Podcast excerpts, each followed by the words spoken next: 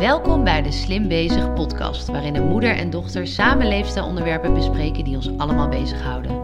Ik ben Aniek En ik ben Karine. en wij zijn hier om onze ervaringen, inzichten en tips met jou te delen. Hi mam, Hey Aniek. hoe is het? Ja, prima. Ja, hoe was Ja. je week? Eh, ja, ik heb gewoon een eh, prima week gehad. Nog een beetje nagenieten van mijn verjaardag en lekker gewerkt. Spannende dingen zijn er op stapel binnen Slim. En, eh, Spannende dingen. Ja, daar kan ik nou echt nog helemaal niet over praten, maar eh, dat eh, komt misschien nog wel. En, Maar dat vinden mensen heel irritant om te ja, horen. dat is ook heel irritant, klopt. Maar Ja. om je even een idee te geven hoe spannend mijn leven is af en toe. Oh ja, ja, ja. ja. Ja. Oké. Ja. En ehm, eh, voor de rest, ehm, het meest spannende wat er eigenlijk nu ook gaat gebeuren in mijn privéleven, is dat ik vanmiddag samen met Arthur, dat is mijn partner, mijn vriend, ehm, naar een financieel adviseur ga. Dan gaan we even wat dingen afstemmen. Ik ben ehm, anderhalf jaar geleden met hem gaan samenwonen.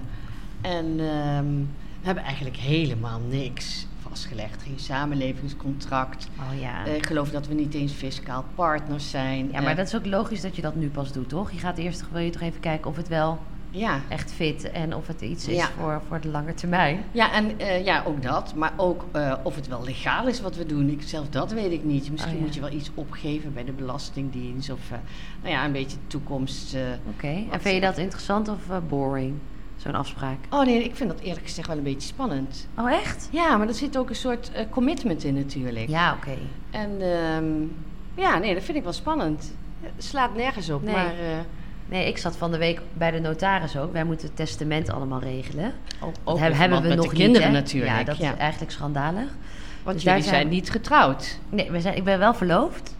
En eh, wij gaan oktober volgend jaar eh, trouwen. Ehm, maar ja, dan ook, dan ga je, moet je ook eigenlijk nog van alles Ja. regelen. Ook als je ehm, eh, niet in gemeenschap van goederen trouwt. Vroeger, nee, maar vroeger was het zo. Dan kon je trouwen, had je gewoon alles geregeld. Was alles gewoon... Ja, maar eh, 50-50 toch? Ja, ja. En dat is in ons geval ook echt niet aan de orde. Eh Amar die is ondernemer, die heeft meerdere bedrijven. En als ik daar allemaal eh, eigenaar van word, dan ga ik echt zwaar in de stress. dus daar moet een heel Arm- goed plan... arm eh, kind, nee. Ja, daar moet een heel goed dat, plan dat op moet gemaakt worden. voorkomen, Dat moet voorkomen worden. Ja, maar ik, vind, ik zit daar dan echt bijna te gapen in zo'n Oh, afspraak. echt? Ja.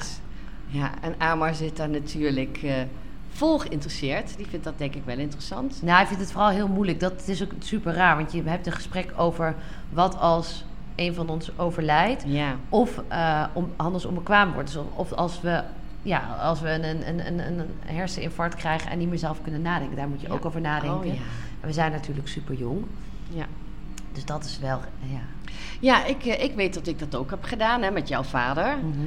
En ehm, zijn we ook toen naar de notaris geweest, volgens mij om het huis op het langste leven te laten zetten. Maar dan sta je er ook wel even bij stil. Maar ik vond het was nog zo ver weg Precies, dat zo voelt het dat voor het mij ook, ook. best wel makkelijk was. Ja. Het was niet eh, in de actuele situatie.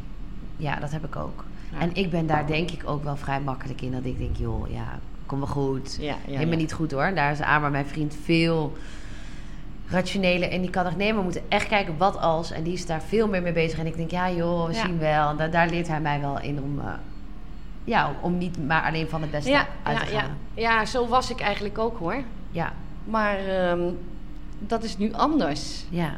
Dat is nu echt anders. Het voelt, ehm, oké, maar ik ga het weer doen. Oh ja, dat ja. Ja, dit is de derde keer dat ik eh, eh, echt een commitment aanga met een man.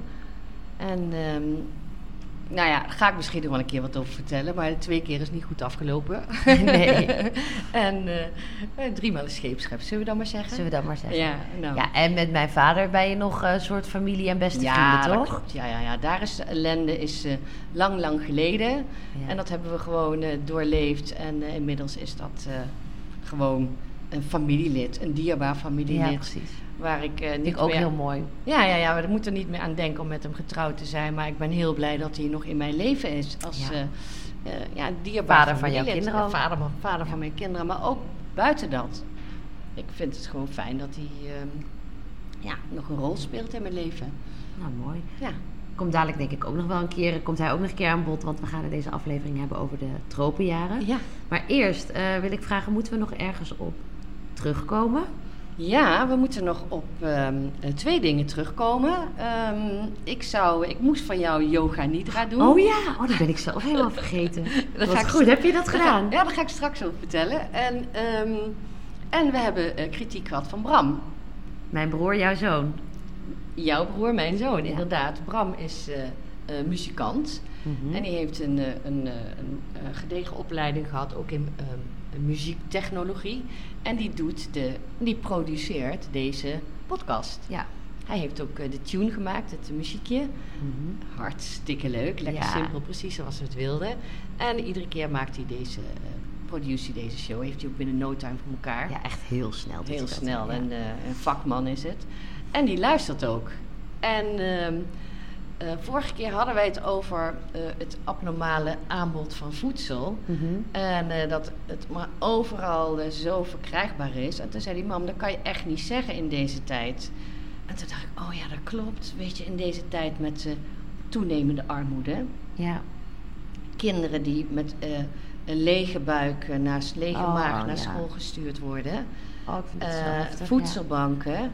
En denk, oh wat ontzettend onnadenkend van mij. Het is ook totaal niet dat ik daar niet mee bezig ben. Want het is Ik ben er ook niet, me- ik heb het ook niet zo opgelet. Het was natuurlijk ook niet. Het is er nooit zo bedoeld geweest. Of die, die, maar het is meer dat het. Nee, je ziet het overal ook, hè? Dat- Ja, dat- maar je hoort het ook. Gisteren was er op het journaal nog zo'n item.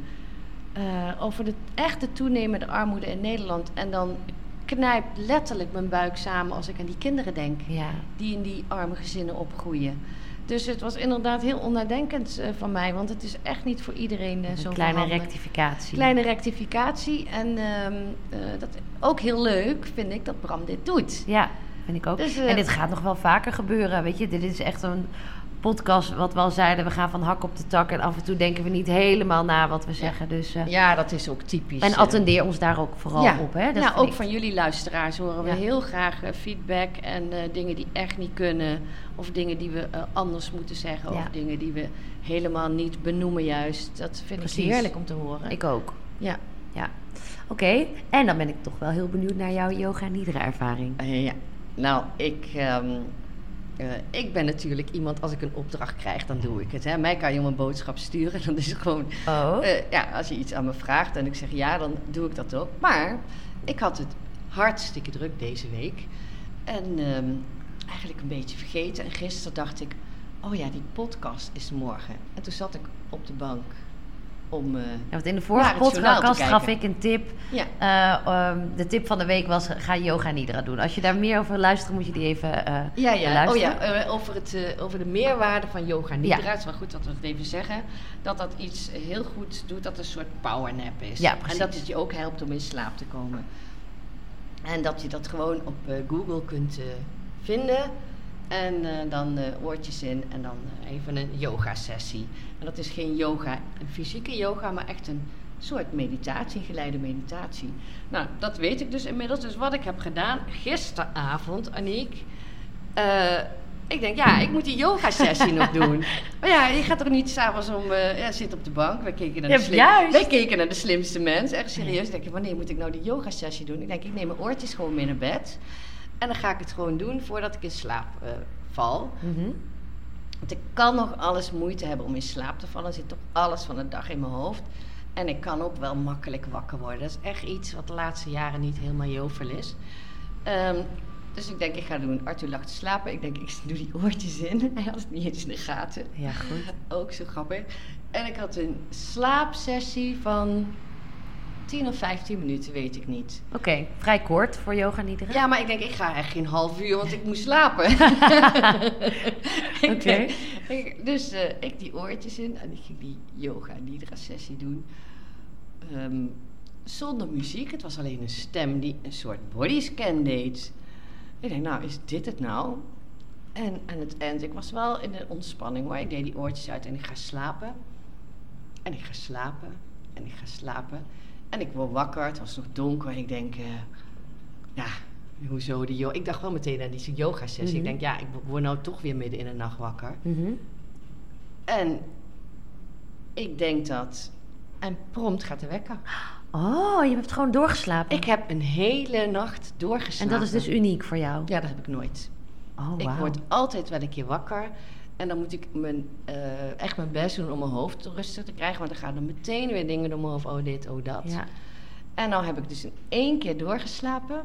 En ik werd, nou, tien seconden voor de wekker wakker. Wat heerlijk. Eh, ik weet niet, misschien is het toeval. Nou, ik denk het niet. Maar ga het maar eens. Als het je 10 tot 15 minuten kost voor het slapen en je dan door kan slapen, dan levert het toch heel Bizar. erg op. Ja. Ja, bizar. Dus eh, eh, lieve luisteraars, Ga het doen. ga het doen als je niet kunt slapen. Wie weet eh, heeft het bij jou ook zo'n effect. Oh, ik ga dit vanavond ook doen voor het slapen. Bizar, hè? Ja. Ja. Nou, leuk. Leuk om te horen. ja. Ehm, dan gaan we nu naar het onderwerp van deze podcast. We hadden het vorige week al even over. Het is een podcast eh, die, met een onderwerp wat ik heel erg leuk vind, omdat ik er dus middenin zit. Eh, het gaat over hoe overleef je, overleef je de tropenjaren. Ehm, ja. Ik moet meteen aan een anekdote denken. Ehm, eh, ik heb natuurlijk drie kinderen, hè? Bram, Niels en jij bent Aniek. Mhm. Dus ik heb heel lang tropenjaren gehad. Hè? Dus, ja, ook eh, telkens drie of vier jaar ertussen? ja, drie of vier jaar ertussen. Ik geloof ja. dat ik wel twaalf jaar die Sint Maartensoptocht heb gelopen, om een voorbeeld te noemen. Hè? Dat ik echt geen Sint Maarten meer kon zien, maar dit terzijde. Ehm, en eh, Had ik dus last van als jongste. ja, heb, ja, dat Ja. heb je echt gemerkt. Klopt, dat, dat kan niet anders. Maar ik kan me herinneren dat ehm, jij was een jong Grietje, 10, 11. En eh, jij kwam bij Wilma, een vriendin van mij. Mhm. En die had toen drie kleine kinderen. En daar ging jij heel vaak, s'avonds tussen zes en zeven, ging, want die woonde bij ons om de hoek, ging jij daar langs. En dan zei je, vind ik zo'n gezellig spitsuurtje. Ja. En toen dacht ik, le- ja, wacht, Wacht jij maar. Oh ja. En daar zit je nu in. Ja, ik heb In die spitsuurtjes. Nou heb je spitsuurtjes. Nou, vertel, hoe ervaar jij dat? Nou, ehm, zal ik eerst even vertellen wat de tropenjaren misschien wat een beetje inhoudt? Want Ja. misschien we- hebben luisteraars geen idee. De tropenjaren staan voor vaak de eerste vier jaren van het levensjaar van je kind. Dus echt nog niet naar school gaande kinderen. Ehm, de kleuter, peuterjaren. Baby. Baby, peuter, kleuterjaren, precies. Mhm. Ja. Ehm, ja, hoe ervaar ik die? Eh, ik heb dus een, ehm, ik heb twee dochters, Sophia en Sarah. Sophia wordt in januari drie en Sarah die wordt over, eh, wat is het? Een week, precies een week wordt ze één. Oh, Dus onze Saartje. ja, ja, ja, die, ja daar, daar zit dus weinig tijd tussen. Ehm, en ik vind tropenjaren echt heel zwaar. ik, vind ze, ja, ik vind ze ook heel leuk. Dat is, is, voelt ook een beetje alsof je dat moet zeggen. Ehm, en dat vind ik ook wel, want ik vind mijn kinderen heel leuk. En ik heb het gelukkig eh, in een gelukkige relatie. Mhm. Ehm, maar ik, ja, mijn, mijn vriend en ik kijken echt zo vaak naar elkaar. En dan denken we, oh, we zijn zo blij als, we, als ze zichzelf kunnen aankleden. Als ze Ja. eh, op een gegeven moment zelf naar beneden kunnen lopen. Dat wij nog even kunnen blijven liggen. En daar fantaseren we wel te vaak misschien wel Ja. over. Ja, En maar al- jullie hebben ook echt moeten inleveren, hè? ja, Ik heb het gewoon voor mijn ogen zien gebeuren. Dat, jij, eh, dat jullie hadden echt zo'n leven waarin je vlieren fluitend door het leven gaat. Je, met heel veel plezier werken, met heel veel plezier eh, work hard, play hard. Hè, met heel veel plezier leuke dingen doen. ja, eh, met een gemak ook. En ehm, vanaf het moment dat jij zwanger was, pats, ja, werd je dood en doodziek. ja, ik had ook nog eh, eh, HG, wel een lichte voor. Maar ik was altijd extreme Negen maanden. Ja, En, ehm, en eh, nou ja, daarna die babytijd was ook wel inleveren, maar dat viel nogal mee. ja, En toen, wat er toen gebeurde, toen kreeg jij binnen een half jaar, zei jij, ik mis het zwanger zijn. ja, jij dacht, wat Ik denk, kind is niet wijs. Ja, En ehm, ik heb ook wel een beetje aangegeven, dat is wel echt heel zwaar, twee kinderen onder de twee. Maar die hormonen, Nee, echt, moeder natuur deed geweldig zijn werk. ja, vert- vert- vertel daar eens over hoe dat in jouw brein werkte. Nou, ik heb al- het gezien, maar hoe werkte dat bij jou? Ik was al eigenlijk misschien al wel vrij jong. Maar al eh, twee, drie jaar voordat eh, ik zwanger werd van Sophia... een beetje gefascineerd door zwangerschappen, baby's. Ik eh, ging allemaal bevallingsverhalen eh, op YouTube opzoeken. Ik volgde allemaal moeders, jonge moeders. Ik vond dat...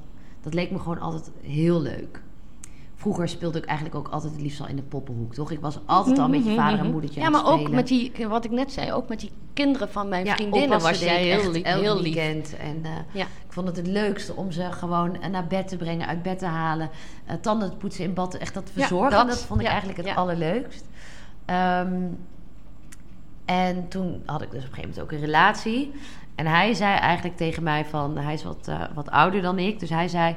Nou, ik ben er eigenlijk al wel klaar voor, maar kom jij maar. En toen heb ik dat... Ja, op een gegeven moment liep ik echt op de HEMA kinderafdeling. per ongeluk, een soort van. Dat ik dacht... Vond jij jezelf terug tussen de ja, babykleertjes? zat ik daar een beetje eh, te, te fantaserend eh, rond te lopen. En toen, ehm, nou, toen zijn we daar, toen waren na drie jaar dat we samen waren, zijn we ervoor gegaan. Lukte gelukkig ook eh, vrij snel. Ehm, en die zwangerschap vond ik dus heel zwaar. Babytijd vond ik eigenlijk helemaal niet zwaar. Eh, we hadden een heel makkelijk kindje die al heel snel doorsliep, huilde weinig. Ehm, dus ik denk dat daardoor ook, ja, we zeiden vaak, hier kunnen we er wel tien van hebben. Mhm. Eh, en toen na een half jaar miste ik het dus weer. Toen begon al gewoon weer helemaal... Ik, ik ging het echt romantiseren. En ik verwachtte ook eigenlijk dat ik eenzelfde soort kind zou krijgen. Mhm. En in mijn achterhoofd wist ik natuurlijk wel dat het niet zo... Dat de kans heel klein is dat dat zo is.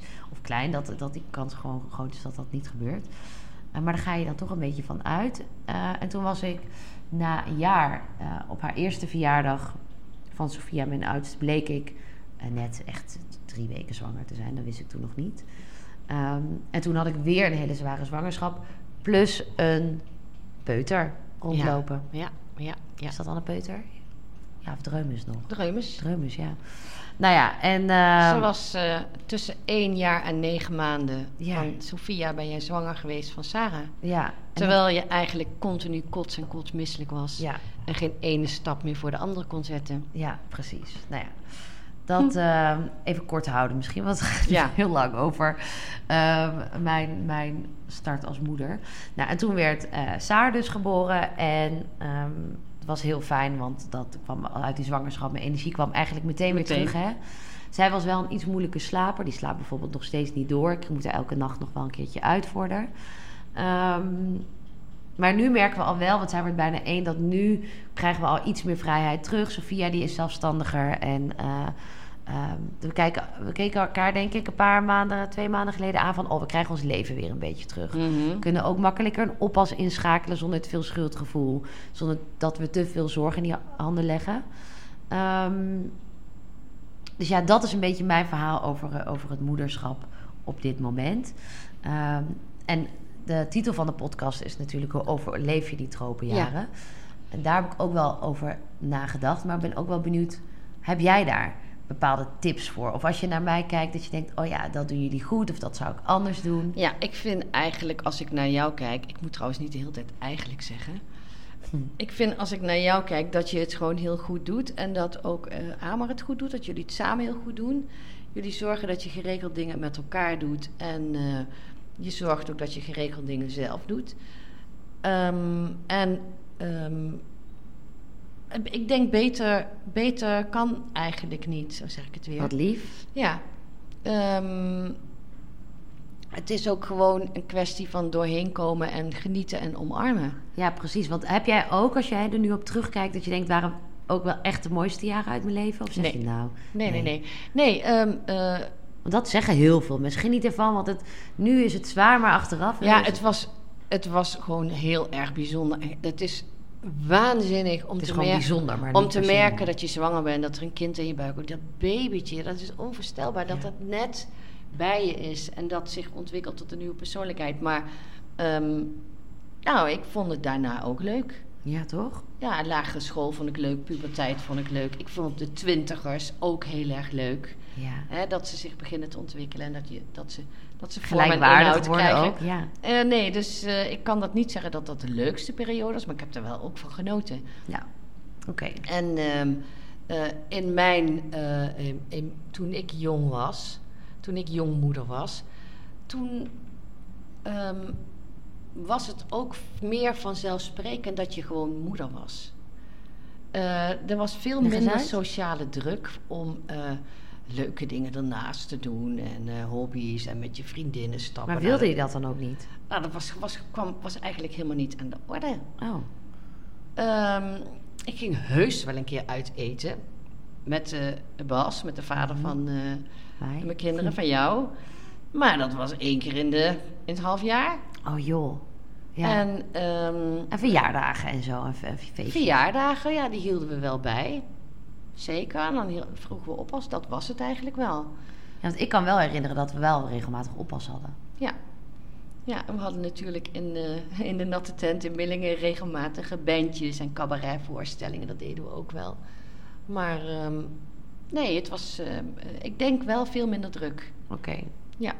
Ja, nou ja, dat, dat, dat- ja, wij, wij, zitten, wij hebben wel een behoorlijk druk ook sociaal Ja. leven. Maar daardoor denk ik ook wel juist vol te houden. Ehm, en ik heb ook na zitten denken dus wat ik voor een tip zou geven voor het, het overleven van die tropenjaren. Mhm. En dat vind ik ook een beetje moeilijk, want ik zit er meteen in en ik ben dus absoluut geen expert. Maar wat is, waar reageren mijn kinderen goed op en waar reageren wij als gezin goed op? Mhm. Is ehm, toch wel die routine. Ja, hou die routine erin. Ja, Ja, en ik zie het ook voor me als. Ik dacht altijd, ik, ik word die moeder die overal mijn kind mee naartoe neemt. En slapen daar op de bank en dit en dat. Maar daar, daar krijg ik, ik wel best wel een beetje irritante kinderen van. Oh ja, wat Ja. gaan ze dan doen? Ja, dat niet doen. En moe, weet je wel, kinderen die moe zijn, zijn echt heel vervelend. Tenminste, mijn kinderen. Ja. En dan moet je vooral niet zeggen dat ze moe zijn, want dan worden ze nog vervelender. Oh ja. Dus ehm, gewoon die routine in de dag, dat ze voorspelbaarheid in de dag. Ehm, en dat, dan kan je je dag nog wel heel leuk maken. Alleen, ik denk dat je niet te veel van een kind moet vragen. Ehm, en ze zijn, ja, Ja, ik denk dat je gelijk hebt, maar ik denk dat er één ding nog veel belangrijker is.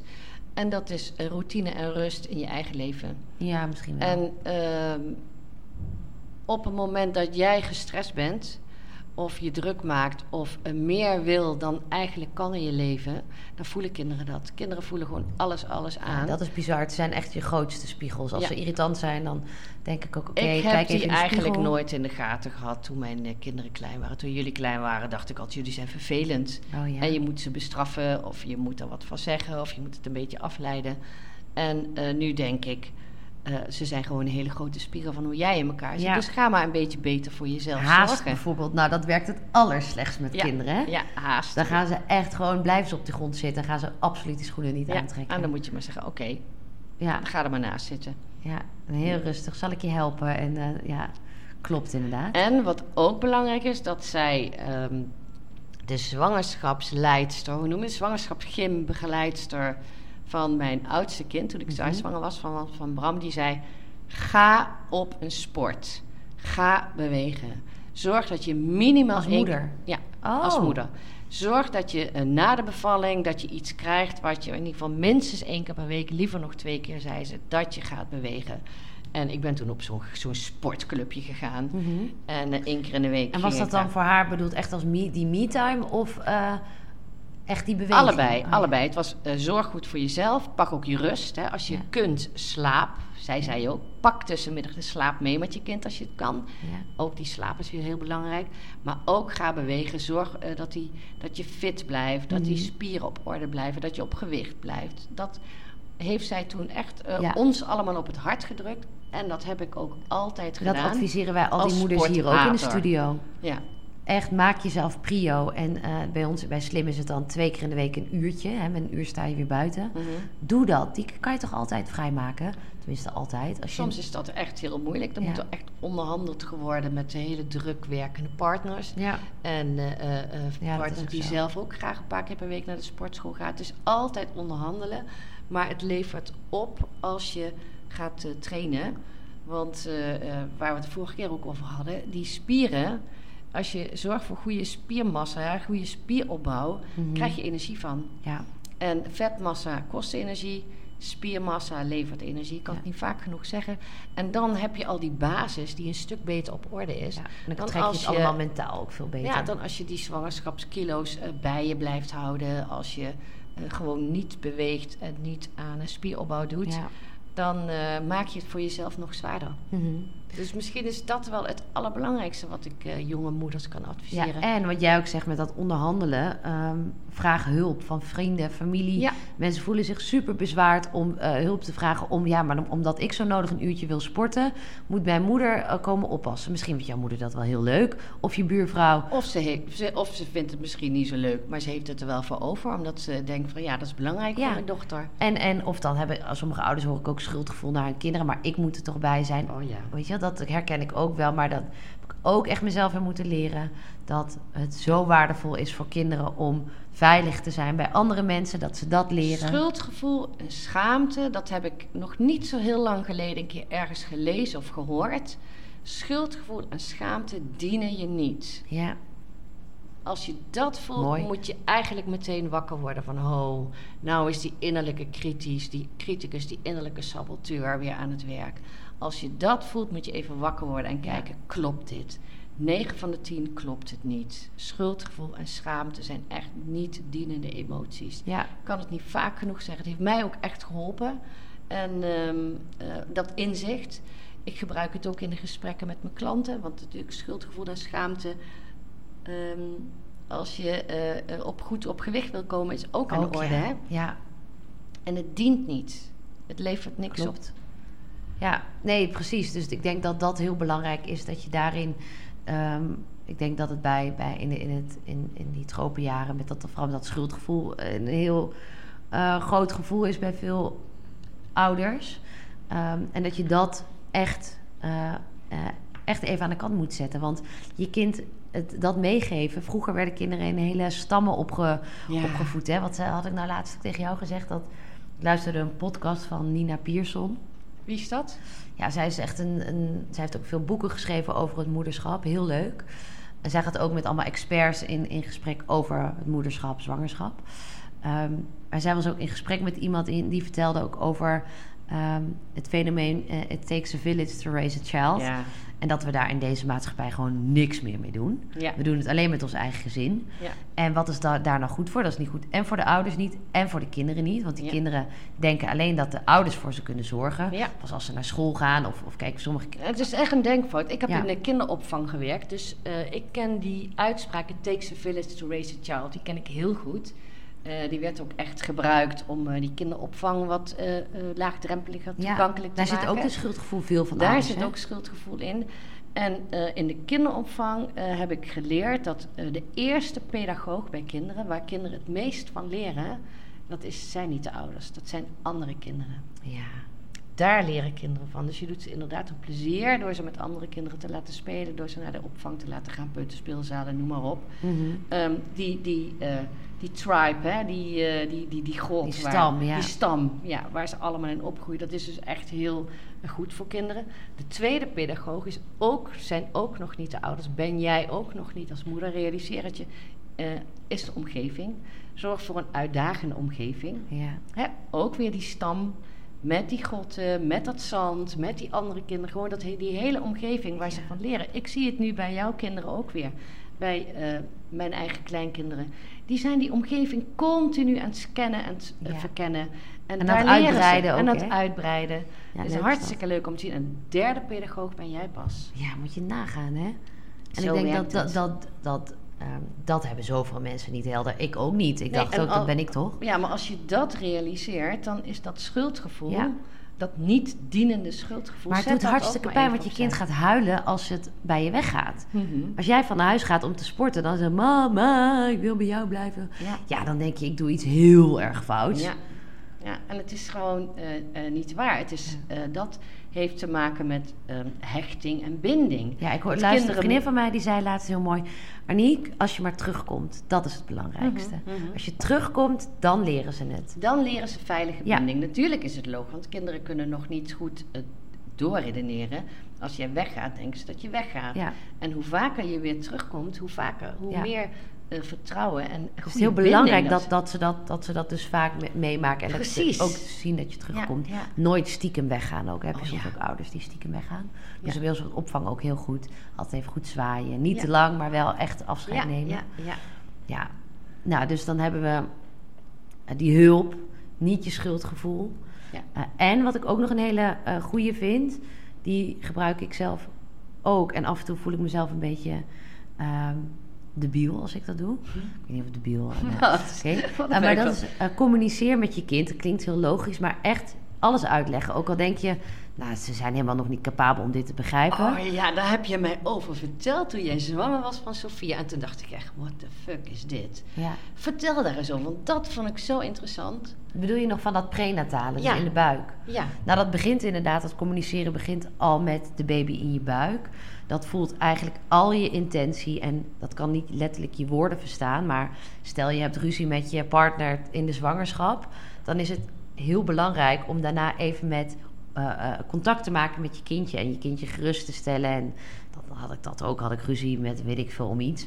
Maar dan ging ik even terug en dan zei ik, hi schatje. eh, ja, ik vond het steeds een beetje belachelijk, maar dan zei ik, eh, eh, papa en mama zijn even boos op elkaar, maar we houden wel van elkaar. En ehm, het heeft helemaal niks met jou te maken. Het komt Ja, allemaal toen goed. ik dat hoorde, dacht ik echt, ik ben niet wijs. Ja. Nou, mijn, Maar- mijn stiekeme droom is ook om ooit een doula te worden. Dat is eigenlijk, als ik eh, een, heel goed kon leren, dan was ik het liefst verloskundige En wat is een doula? Nou, een doula is een eh, geboortecoach. Dus dan, die is erbij in heel de... En heb je Eh. dan ook zo'n gewaad om? Ik zie meteen zoiets Indiaas voor me. met Oh ja, nee, nee, nee, dit is, dit is gewoon- nee, zeker niet. Nee, het is een, eh, iemand die je eh, inhuurt eh, door je hele zwangerschap. Eigenlijk een mentale steun in je zwangerschap en bevalling.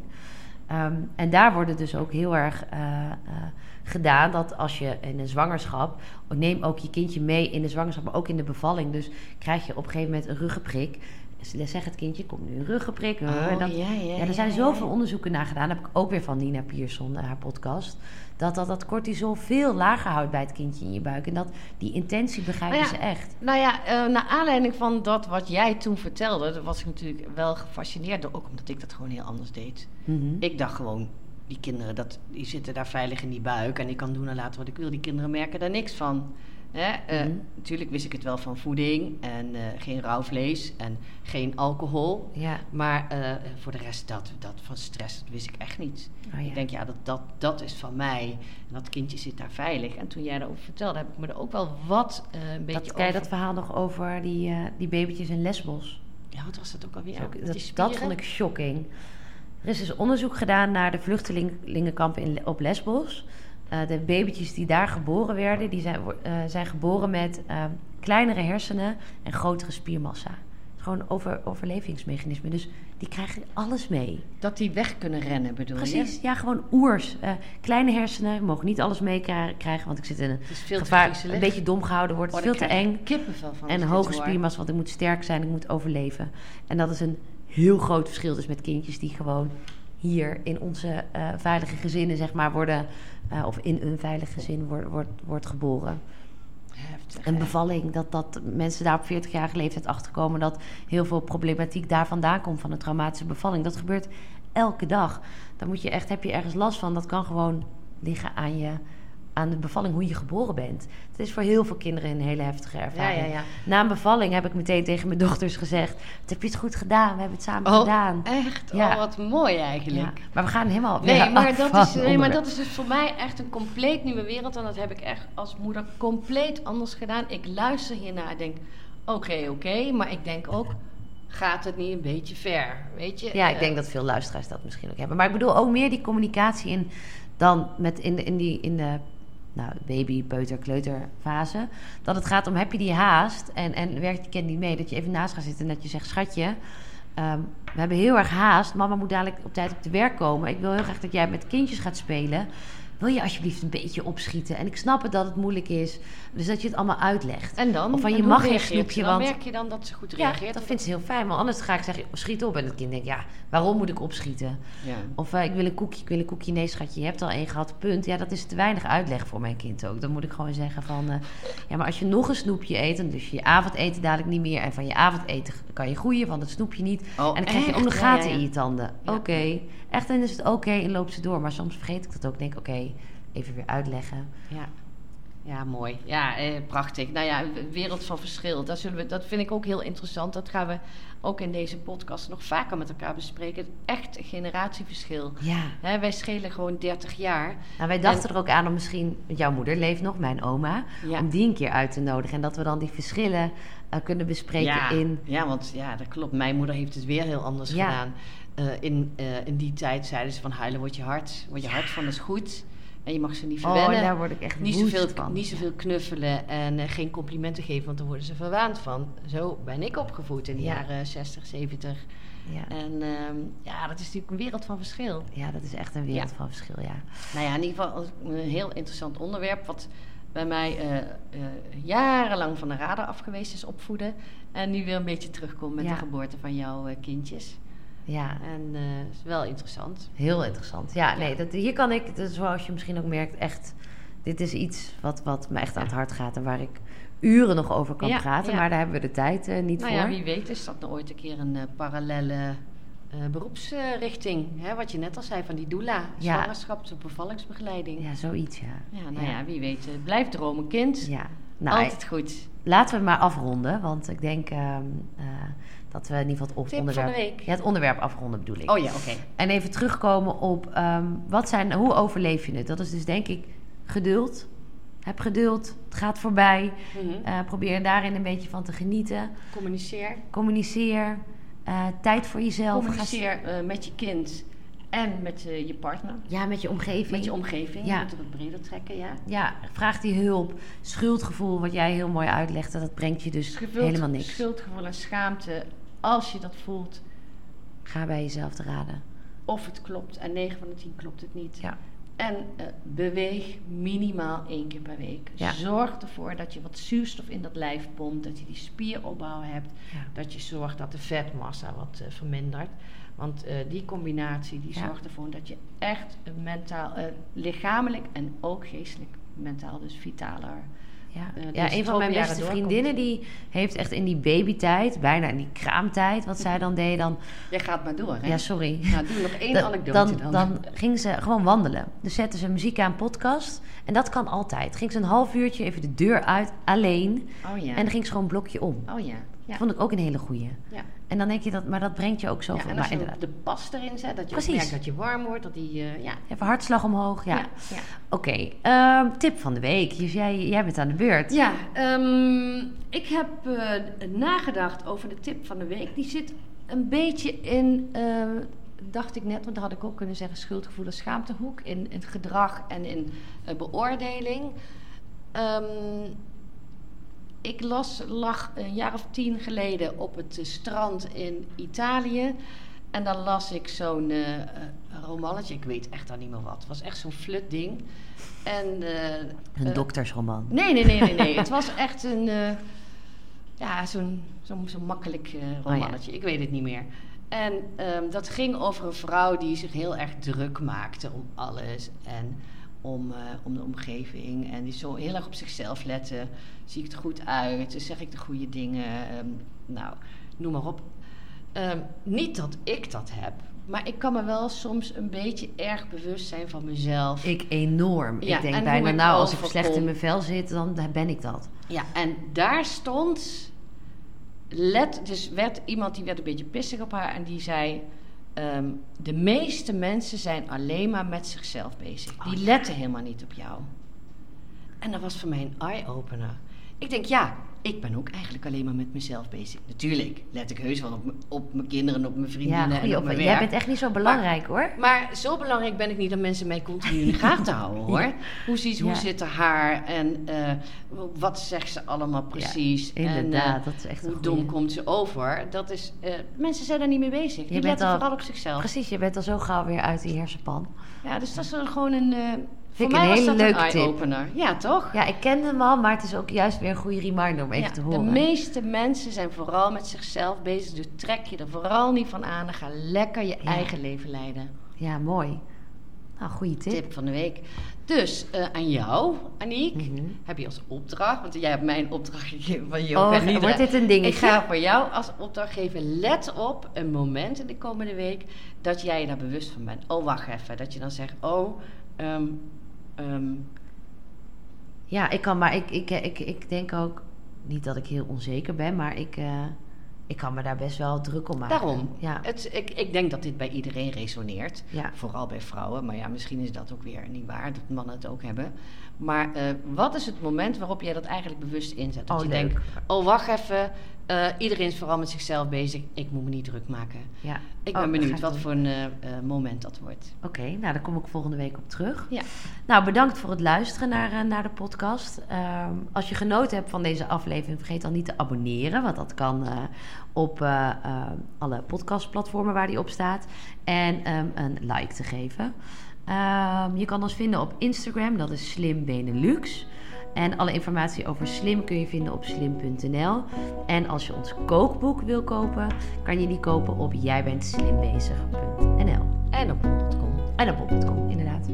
Oké, okay, tot volgende week. Tot volgende week, lieve luisteraars. Lieve luisteraars, hierbij nog even een disclaimer. Alle gesprekken in deze podcast zijn enorm geïnspireerd door Slim en de Slim-methode. Wij praten echter wel, wij, Aniek en Karien, vanuit onszelf en ons persoonlijk leven. En we steken onze eigen mening hierin beslist niet onder stoelen of banken. Deze persoonlijke mening zal zeker niet altijd gelden voor alle andere studio's in Nederland en België. Liever niet zelfs, want we houden van een goede discussie, maar zeker ook van de eigenheid van elke studio.